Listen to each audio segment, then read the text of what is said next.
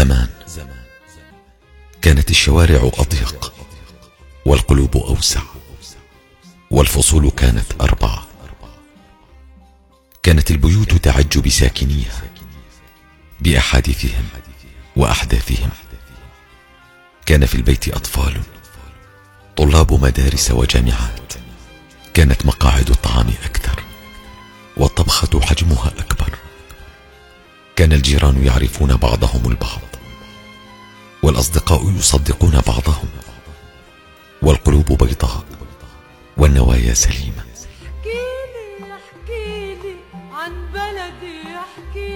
كان المغتربون أقلاء والأقرباء أعزاء والمعلمون أجلاء.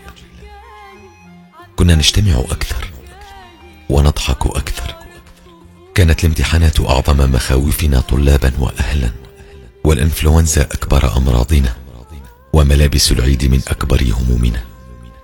كان للأعراس قيمة وللزواج هيبة. وكان الحب يعد أيامه عبر النوافذ والحارات والرسائل المكتوبة قبل أن ينتقل ويدفن في الهواتف والتطبيقات.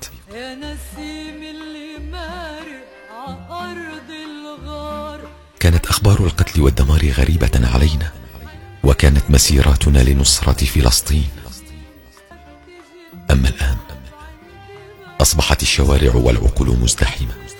كبر الأطفال وأصبح أبناء المدارس والجامعات آباء وأمهات. وانتقل الآباء لمرحلة الجدود والجدات. قلت مقاعد الموائد وصغرت الطبخة لتكفي شخصين. وأصبحت الجمعات هادئة. وكل يمسك هاتفه وفي عالمه. كبر الأهل وأصبحنا نرى في كل منزل مغتربا.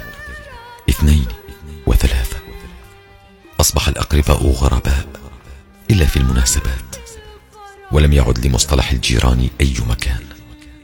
كثرت الأمراض وكثرت الضغوطات. أصبحت أخبار الحروب من يومياتنا ورغيف الخبز والجوع سبب مظاهراتنا.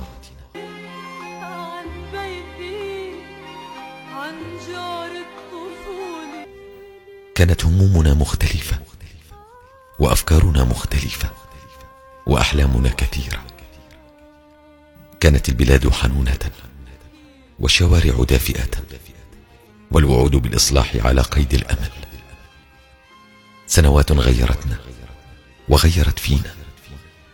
فقدنا فيها أناسا كانوا جزءا من يومياتنا وأنجبت أفرادا جدد كبرنا وكبرت مسؤولياتنا. مرت السنوات فينا مرورا سريعا. حتى أصبحنا نقارن صورنا في ذلك الوقت مع صورنا الآن ونتساءل. هل حقا؟